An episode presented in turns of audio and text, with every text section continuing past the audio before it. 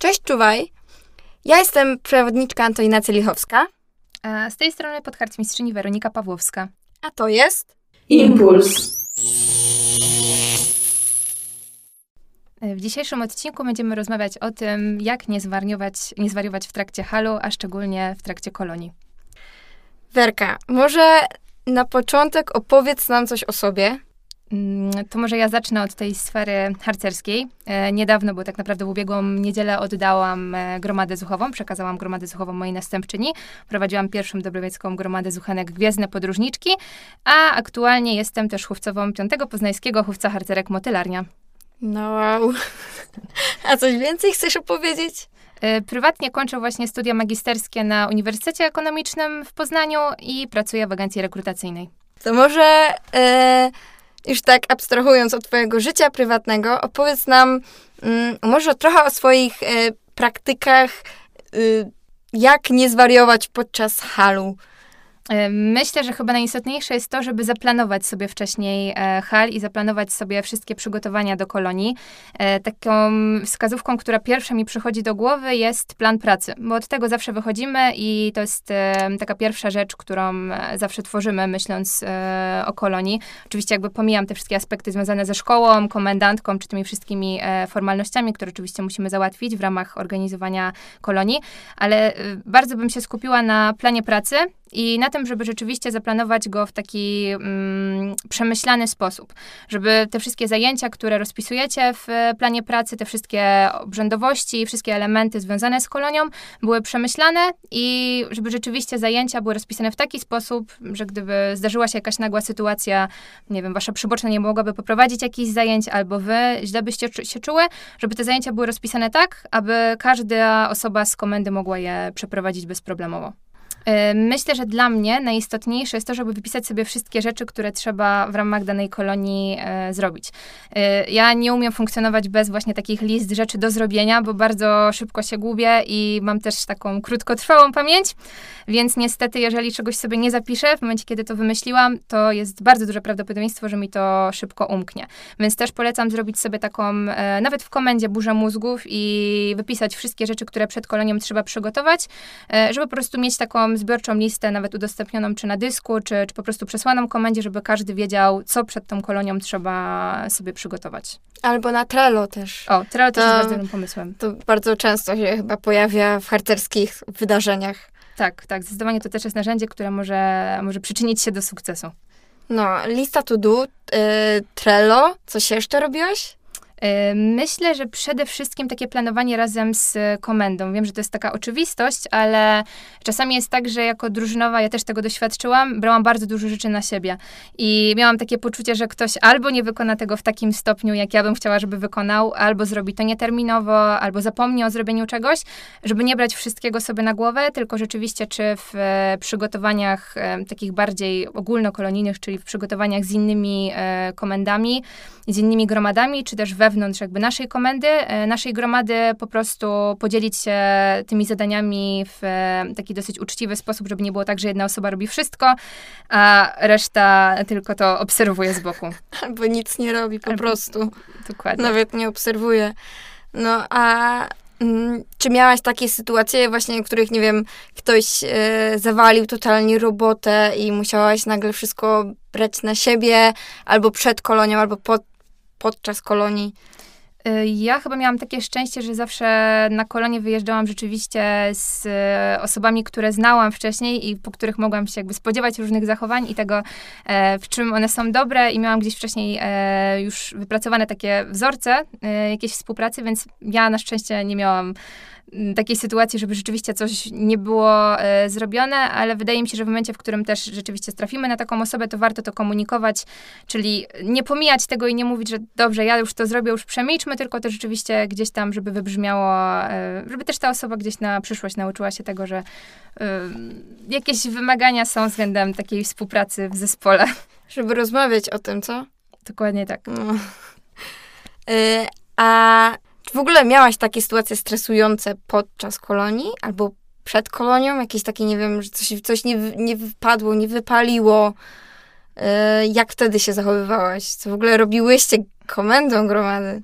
Y, no, rzeczywiście zdarzały się takie sytuacje, że na ostatnią chwilę okazywało się, że nie ma na przykład takiej liczby łóżek polowych, albo okazywało się, że nie mamy tych materiałów, bo one nie zdążą dojść na, e, na czas na kolonie, więc takie sytuacje stresowe zawsze się pojawiają i pewnie nie da się być stuprocentowo przygotowanym na wszystko, co się może w trakcie kolonii przed nią e, wydarzyć, e, ale mm, wydaje mi się, że w takich sytuacjach najlepiej jakby nie, mm, nie doprowadzić do takiej sytuacji, gdzie jest się, tak, jest się w takim paraliżu i nie wie się, co zrobić, tylko mimo wszystko szukać rozwiązań i szukać też jakiś, jakiegoś zastępstwa. Jeżeli zaplanowaliśmy sobie zajęcia z takimi takimi materiałami, to może warto je zastąpić jakimiś innymi e, zajęciami. Jeżeli właśnie brakuje nam łóżek polowych, no to jak najszybciej kontaktować się ze wszystkimi innymi drużynowymi i pytać, kto e, może nam w tym czasie naszej kolonii po prostu takie łóżka e, pożyczyć. Ale dla mnie zawsze bardzo istotny był ten kontakt w komendzie i to to, że mogłam dziewczynom powiedzieć, e, że coś się dzieje i one też pomagały mi rozwiązywać te problemy, więc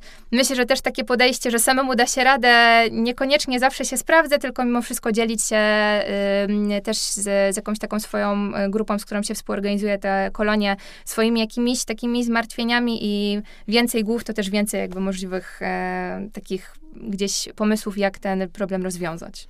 My właśnie też w tym roku na kolonii e, uznałyśmy, że zrobimy taką tabelkę, która jest za co odpowiedzialna. Mhm. Też mamy taką super praktykę. E, to też jest, jest od mojej pierwszej kolonii, e, że po prostu dzielimy się, która, nie wiem, przyboczna, drużynowa, która z komendy po prostu będzie miała warty przy zuchenkach na przykład i reszta w tym czasie albo ogarnia zajęcia, albo, e, nie wiem, zbiera siły na na, na swoją, e, swoją turę pilnowania i też to jest chyba takie fajne, że taki właśnie kalendarz trochę robimy co roku. Y, tak, wydaje mi się, że to jest super pomysł i u nas było też tak samo, y, nie wiem jak jest w innych gromadach, jaka praktyka, ale u nas zawsze było tak, że ta osoba, która rozpisywała na przykład dane zajęcia w planie, była później odpowiedzialna za to, żeby przygotować materiały, żeby przeprowadzić te zajęcia. Wiadomo, że nie było to tak, że reszta wtedy komendy szła spać i nie przychodziła na tę y, na te grę, czy, czy na jakieś inne zajęcia które były zaplanowane, tylko rzeczywiście była jedna osoba, która była odpowiedzialna. I tak samo też coś takiego y, robiłyśmy na, na koloniach, na w sumie mojej ostatniej kolonii. Y, też dzieliłyśmy się tak bardzo szczegółowo tymi obowiązkami. Już nawet wchodząc w takie zagadnienia właśnie jak, nie wiem, kompanie zuchenek y, wieczorem, albo GIS w, tym, w trakcie tego kompania, czy, czy nie wiem, pobudka, y, robienie zbiórek na posiłki, żeby rzeczywiście jakby gdzieś wyszczególnić taki harmonogram, bo łatwiej jest się wtedy zorganizować i nie jest tak, że nagle nie wiadomo, kto ma odpowiadać dzisiaj za czytanie na dobranoc, tylko jest po prostu wpisana dana osoba w grafiku i ona po prostu wie, że dzisiaj jest taka i taka jej, jej rola. Robiłyście coś takiego, mm, że dzieliłyście się obowiązkami tak na stałe? Czyli jedna jest na przykład oboźną, druga programową, trzecia ogarnia dzieci do mycia, y, a czwarta GIS? E, rzeczywiście na początku, jak jeździłam na kolenie, to był taki bardzo sztywny e, podział tych obowiązków, ale mam wrażenie, że na przykład w tamtej sytuacji, kiedy ja byłam oboźna, byłam też mocno przeciążona tymi wszystkimi zadaniami, bo cały czas trzeba było pilnować tego czasu, e, trzeba było rzeczywiście mm, kontrolować to, żebyśmy się pojawiły punktualnie na posiłkach i to było dosyć obciążające, więc później trochę zrezygnowałyśmy z tego na rzecz, na rzecz takiego rozwiązania, że każdy jest za zróżnicowaną część jakby tych zadań odpowiedzialny w trakcie kolonii. Czyli trochę się tymi rolami wymieniałyśmy i wydaje mi się, że to nawet było lepsze, tylko rzeczywiście wymagało to tego doprecyzowania, kiedy kto e, w daną rolę się wciela i takiego wywieszenia grafiku e, po prostu w komendzie, żeby każdy wiedział, że dzisiaj jest na przykład jego, jego dyżur przy, tym, przy tej czynności. No to jest bardzo, bardzo ważne chyba, myślę, co, co mówisz. Bardzo takie wartościowe. Serio. Bo sama widzę po mojej komendzie, że taki właśnie grafik y, dużo ułatwia i pomaga działać w ogóle i współpracować ze sobą.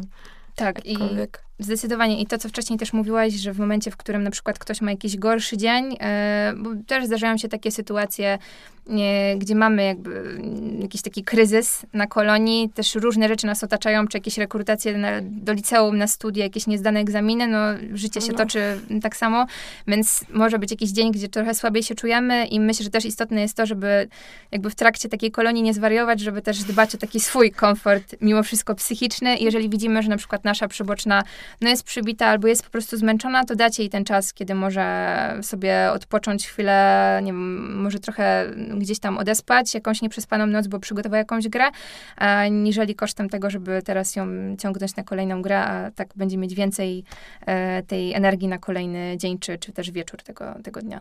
Mm, tak, to prawda. To jest, to, w sensie, to jest super, żeby tak się dzielić. Tak, też to popieram i myślę, że tak samo, jeżeli chodzi o, o zuchęki, żeby też czasami odpuszczać, kiedy one nie mają siły, a mamy zaplanowaną jakąś świetną grę wieczorną, a całe przedpołudnie byłyśmy na przykład na plaży i czujemy, że po prostu one już nie dadzą rady, żeby wyruszyć na kolejną grę w plener, to też, żeby umieć odpuszczać czasami. No właśnie, też trzeba chyba dbać, żeby też zuchęki nie zwariowały i nie przemęczały się na tej kolonii. No bo wiadomo, będą miały na koniec e, wrażenie, że było super i że e, ta kolonia to była przygoda życia, ale podczas kolonii mogą czuć się trochę czasem przeciążone i jakby co wtedy też, co wy robiłyście e, gromadą? Ja to właśnie rzeczywiście wprowadzałam czasami w życie, że tak odpuszczałyśmy, czyli czasami miałyśmy jakieś takie górnolotne plany, żeby teraz jeszcze po południu pójść na jakąś kolejną grę do lasu albo wieczorem zrobić jakąś e, wielką taką wkrętę fabularną, gdzie też wymagało to dużego gdzieś tam zaangażowania i takiego wysiłku fizycznego. I doskonale pamiętam też z jednej e, z kolonii, gdzie był taki wieczór, gdzie rzeczywiście wszyscy byli po prostu przemęczeni, bo było bardzo ciepło w ciągu dnia, były e, mocno angażujące fizycznie zajęcia i pamiętam to do dzisiaj, że wieczorem wymyśliłyśmy, że po prostu po wykąpaniu się, po przebraniu się w piżamę będziemy po prostu jakby sobie odpoczywały w takim gronie e, gromady i, rozmawiały o tym, co na kolonii już e, się działo, co nam się podobało, co jeszcze dziewczynki może chciałyby, żeby się wydarzyło. To była też końcówka kolonii, więc miałyśmy gdzieś tam taką możliwość zobaczenia, co jeszcze możemy dla nich gdzieś tam w tych ostatnich dniach przygotować. I pamiętam, rzeczywiście siedziałyśmy na tych łóżkach, w piżamach, może to nie będzie mocno wychowawcze, ale jadłyśmy lody, po prostu prosto z pudełka łyżkami, piłyśmy lemoniadę i doskonale to pamiętam, rzeczywiście mam taki obraz e, takiego spędzenia po prostu wspólnie czasu i cieszenia się jakby swoją obecnością. Ale to brzmi fantastycznie. Wiecie, gdybym mogła, to bym coś takiego powtórzyła. Jak ale, z filmu. Jak z filmu, naprawdę. Ale czy to brzmi super i chyba takie właśnie dbanie też to było przy okazji o nie. Tak, i o taką e, relacyjność, bo czasami mocno się zatracamy w tym, żeby rzeczywiście e, te wszystkie formy pracy były realizowane, żeby była przemienność, żeby była jakaś wkręta, żeby był jakiś przerywnik i, i tak dalej, żeby dużo się działo, ale zapominamy o tym, że czasami taka rozmowa i zapytanie, jak się czujesz, e, czy podoba ci się kolonia, czy coś byś zmieniła, może czegoś ci brakuje, jest o wiele bardziej cenne niż rzeczywiście takie ciągłe pędzenie za, za realizowaniem tego założonego planu. Mm, też to jest um, chyba też ważna właśnie ta relacja między e, zuchenkami a kadrą druchnami. E, no bo też łatwo będzie później e, zwariować, jeżeli nie będziemy się dogadywać. To zdecydowanie, zdecydowanie. E, a powiedz mi, czy miałaś jakieś takie patenty, żeby ułatwić sobie życie przed kolonią albo podczas niej? Mm, jeżeli chodzi o przygotowanie przed kolonią, to co wcześniej też mówiłam właśnie o tej e, liście mm, różnych zadań, które dzieliłyśmy jakby w obrębie e, komendy, ale wydaje mi się też fajną praktyką, e, jeżeli chodzi o też przygotowanie kolonii i zajęć, było to, że wcześniej, kilka dni przed kolonią przyjeżdżałyśmy na miejsce kolonijne, bo czasami jest tak, że kiedy robimy zwiat kolonijny, to jedzie na niego wyłącznie komendantka i, czy tam komendant i drużynowi, no i realnie przybocznie planują te zajęcia, ale nie do końca wiedzą, jak wygląda wygląda sama szkoła, jak wygląda e, najbliższe otoczenie i mm, my rzeczywiście wprowadziłyśmy coś takiego, że kilka dni przed kolonią, czy weekend przed kolonią przyjeżdżałyśmy do szkoły. Mm, większość szkół rzeczywiście się na to zgadzało, bo i tak w trakcie, e, w trakcie wakacji mm, na miejscu ktoś e, w ciągu dnia był i nie dość, że mogłyśmy sobie wtedy przy, przyjechać z tymi wszystkimi materiałami programowymi, więc później nie było takich nerwów, że trzeba to wszystko wypakowywać z autokaru i jakby gdzieś działać szybko, to mogłyśmy też przygotować jakieś elementy obrzędowe, części dekoracji, więc to wydaje mi się, że było bardzo, e, bardzo też fajne, bo wcześniej jechałyśmy razem na kolonie, na, na przepraszam, na zakupy kolonijne i też robiliśmy sobie taką e, listę tego, co mamy w zuchówce, czego nam brakuje, więc to mocno tak jednoczyło kadrę i też rzeczywiście była taka spokojna głowa, że jak nawet ten weekend przed byłyśmy w tej szkole, czy, czy tydzień przed kolonią, no to wtedy był taki też moment, że można było ewentualnie coś domówić, coś dokupić, jak coś było w naszych planach nietrafione, to jakoś to spróbować zmodyfikować jeszcze przez, przez ten czas czas. Mm, a powiedz mi, czy miałyście takie sytuacje na przykład, że jakaś zuchenka miała jakąś chorobę i co robiłyście, żeby po prostu się nie stresować tym, że nie wiem, za chwilę dostanie przykładowo wstrząsu anafilaktycznego, bo urządli ją pszczoła nagle w parku, bo jadła loda z lemoniadą. E, takiej sytuacji aż, aż takiej strasznej nie miałam, ale no zdarzały, też, zdarzały się też takie przypadki, że ktoś czy trafiał do szpitala, czy, czy po prostu wymagał e, opieki lekarskiej. E, wydaje mi się, że tutaj dosyć mocno e, też e, jest istotny ten kontakt z rodzicami. Czyli to, żeby też rodzicom jakby szczegółowo przedstawić, jak e, wyglądają też po naszej stronie przygotowania do kolonii. Nie chodzi mi tutaj o wyszczególnienie tych poszczególnych e, kroków, ale bardziej o to, żeby ich uświadomić, że właśnie na miejscu mamy opiekę e, medyczną, że mamy też współpracę, czy gdzieś tam powiadamiamy, czy szpital, czy przychodnie o tym, że, że będziemy na kolonii, więc tutaj, e, jeżeli chodzi o takie przygotowanie wcześniejsze, to wydaje mi się, żeby rodziców też gdzieś tam wyczulić na to, że my pamiętamy o tym, żeby oni się potem też dodatkowo nie stresowali w przypadku, kiedy taka sytuacja będzie miała miejsce. A jeżeli chodzi o, o to, jak na miejscu y, reagować, no to też łatwo mówić, żeby nie panikować, ale zawsze jest na miejscu ktoś, kto ma na pewno kurs kwalifikowanej pierwszej pomocy, więc on na pewno nam, nam jakiegoś takiego wsparcia udzieli, gdybyśmy my nie miały jakby dostatecznych e, umiejętności, więc pewnie też tak z komendą sobie gdzieś to przegadać, jak się zachować ewentualnie w takiej sytuacji. Plus właśnie ten lekarz e, Mhm. albo szpital najbliższy, Dokładnie tak. powiatowy albo w ogóle, nie wiem, okręgowy. No, na, na region, No, gdzieś na tam taka region. placówka medyczna. Właśnie a relacja między rodzicami a komendą podczas kolonii. Y, Co robiłyście, żeby w ogóle wam rodzice nie weszli przysłowiowo na głowę? Mm, to przed kolonią. Rzeczywiście trzeba rodziców przygotować na to, jak wygląda kolonia. Mm, Co roku myślę, że też fajną praktyką jest organizowanie takiego zebrania, y, żeby przedstawić rodzicom, jak kolonia w ogóle wygląda, opowiedzieć im, no bo pewnie są przyzwyczajeni trochę do innych standardów, jeżeli ich dzieci albo mm, te, które są w zuchach, albo ich starsze na przykład dzieci jeździły na takie komercyjne kolonie, no to rzeczywiście jakby jest tutaj różnica, więc pewnie y, mocny nacisk na to, żeby rodzicom po prostu opowiedzieć, jak kolonia wygląda, czego mogą się po niej spodziewać. U nas też zawsze dużym problemem y, były telefony komórkowe i to jest pewnie temat, który towarzyszy dużej liczbie gromad zuchowych, więc też myślę, że już na zebraniu zaznaczyć, jak to wygląda po stronie y, jakby naszej, że powiedzmy, no akurat u mnie była taka praktyka, że rzeczywiście tych telefonów komórkowych zuchenki nie zabierały, tylko my udostępniałyśmy we wskazanych e, godzinach e, swoje prywatne numery telefonów i rodzice wtedy mogli dzwonić. Ale też jakby pewnie taka kwestia dogadania się z rodzicami, bo w jednym roku rzeczywiście było tak, że te telefony były udostępniane po prostu w czasie mm, takim poobiednim, ale na wniosek rodziców, ponieważ e, pracują po prostu w tych godzinach między 14 a 15, e, też poszłyśmy gdzieś tam na, na taki kompromis i udostępniałyśmy też telefon po prostu przed kolacją, y, 45 minut. Więc wydaje mi się, że to też kwestia jakby takiego dialogu, rozmawiania z e, rodzicami, ustalania z nimi e, zasad, żeby później właśnie, tak jak mówiłaś, nie dochodziło do takich e, starć i jakichś sytuacji konfliktowych. No, to są chyba najbardziej stresujące, znaczy jedne z najbardziej stresujących momentów podczas kolonii. Pamiętam, że właśnie raz miałyśmy taką sytuację, że rodzic nas nie uprzedził, że, czy ogólnie oboje rodziców Mhm. nas nie, nie uprzedzili, że wyjeżdżają podczas naszej kolonii i oni byli nad morzem, e, a my byłyśmy no, na miejscu kolonii i ta dziewczynka chciała wyjechać podczas kolonii i był problem, bo no, nie mogła babcia odebrać z- no, z, z wiadomych względów, Mhm. e, no a tych rodziców nie było po prostu w Poznaniu. No i też z tym miałyśmy problem, dużo stresu w tym też było i ci rodzice się stresowali, a Zuchenka też w ogóle płakała, więc było ciężko. E, I też właśnie chyba warto zaznaczyć, żeby rodzice mówili o takich sprawach. No wiadomo, że to jest w karcie Mhm. kolonijnej, ale czasami rodzice po prostu zaznaczają rozmachu, że dobra, będziemy w Poznaniu w tym, tych, w tych dniach i będzie super. No i dziecko jedzie, no i bajabongo.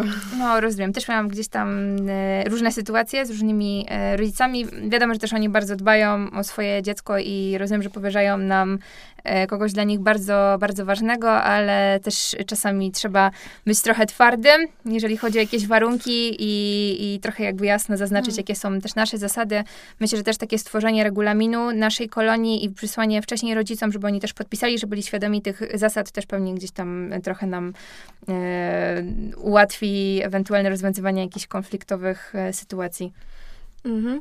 A miałyście jeszcze jakieś takie specyficzne y, przypadki podczas kolonii albo przed nimi, o których, nie wiem, mogłabyś opowiedzieć? Y, ja pamiętam, jak byliśmy na jednej kolonii i był bardzo duży problem z e, żywieniem, w sensie z obiadem. Doskonale to pamiętam, e, bo y, było dużo diet takich bezglutenowych, bezlaktozowych. Wtedy gdzieś też coraz więcej osób było na tych dietach też bezmięsnych. Doskonale pamiętam to, że zamawialiśmy zewnętrzny catering i y, pan z cateringu, nie wiem, czy to była jakby jego złośliwość, ale cały czas mówił o tym, że on nie będzie przygotował tych diet. Mimo, że wcześniej obiecał, że te diety będzie y, normalnie, będą normalnie przygotowane, albo może ktoś inny z tej firmy po prostu przygotowywał. I doskonale pamiętam moment, w którym on przywoził normalne obiady, czyli taki zwykły obiad, powiedzmy kotlet, ziemniaki, surówka mm. i podpisywał to z premedytacją jako bezglutenowe, bezlaktozowe, bezmięsne. I dopiero y, taka konfrontacja chyba drugiego albo trzeciego dnia, gdzie właśnie ja byłam jedną z tych osób, które negocjowały z tym panem razem z komendantką i jeszcze z y, kwatermistrzem, gdzie jakby wytłumaczyliśmy temu panu, że to nie jest takie nasze nasze widzimy się, tylko mm, w przypadku jakby tych alergii mm, po prostu dzieci mogą źle zareagować na to, jeżeli zjedzą coś, co jest z danym składnikiem. Więc to pamiętam, że było taką chyba y, jedną z, z sytuacji, które rzeczywiście były, były podbramkowe. I kiedyś też, jak miałyśmy gotowane w szkole obiady, to po prostu panie kucharki nie wiedziały, o co chodzi w tych dietach i nie potrafiły jakby realizować dań, które spełniały te wymagania e, danych uczestników, ale to też była kwestia przegadania, wydrukowania jakichś przepisów z internetu, pokazania im jakby, czego te dzieci nie mogą jeść, więc zawsze da się rozwiązać problematyczną sytuację.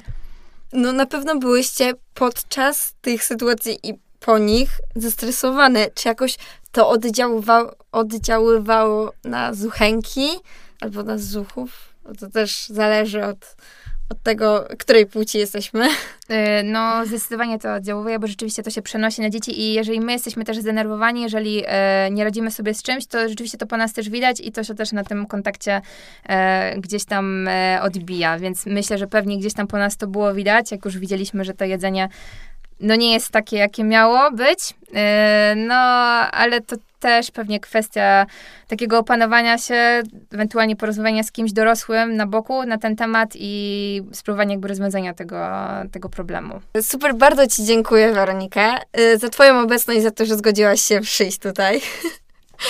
Y, było to dla nas stresujące, ale myślę, że warto było, bo odcinek bardzo wartościowy, jak dla mnie jest. Y, dziękuję Ci jeszcze raz bardzo i do usłyszenia w przyszłości. Czuwaj. Czuwaj, dziękuję bardzo.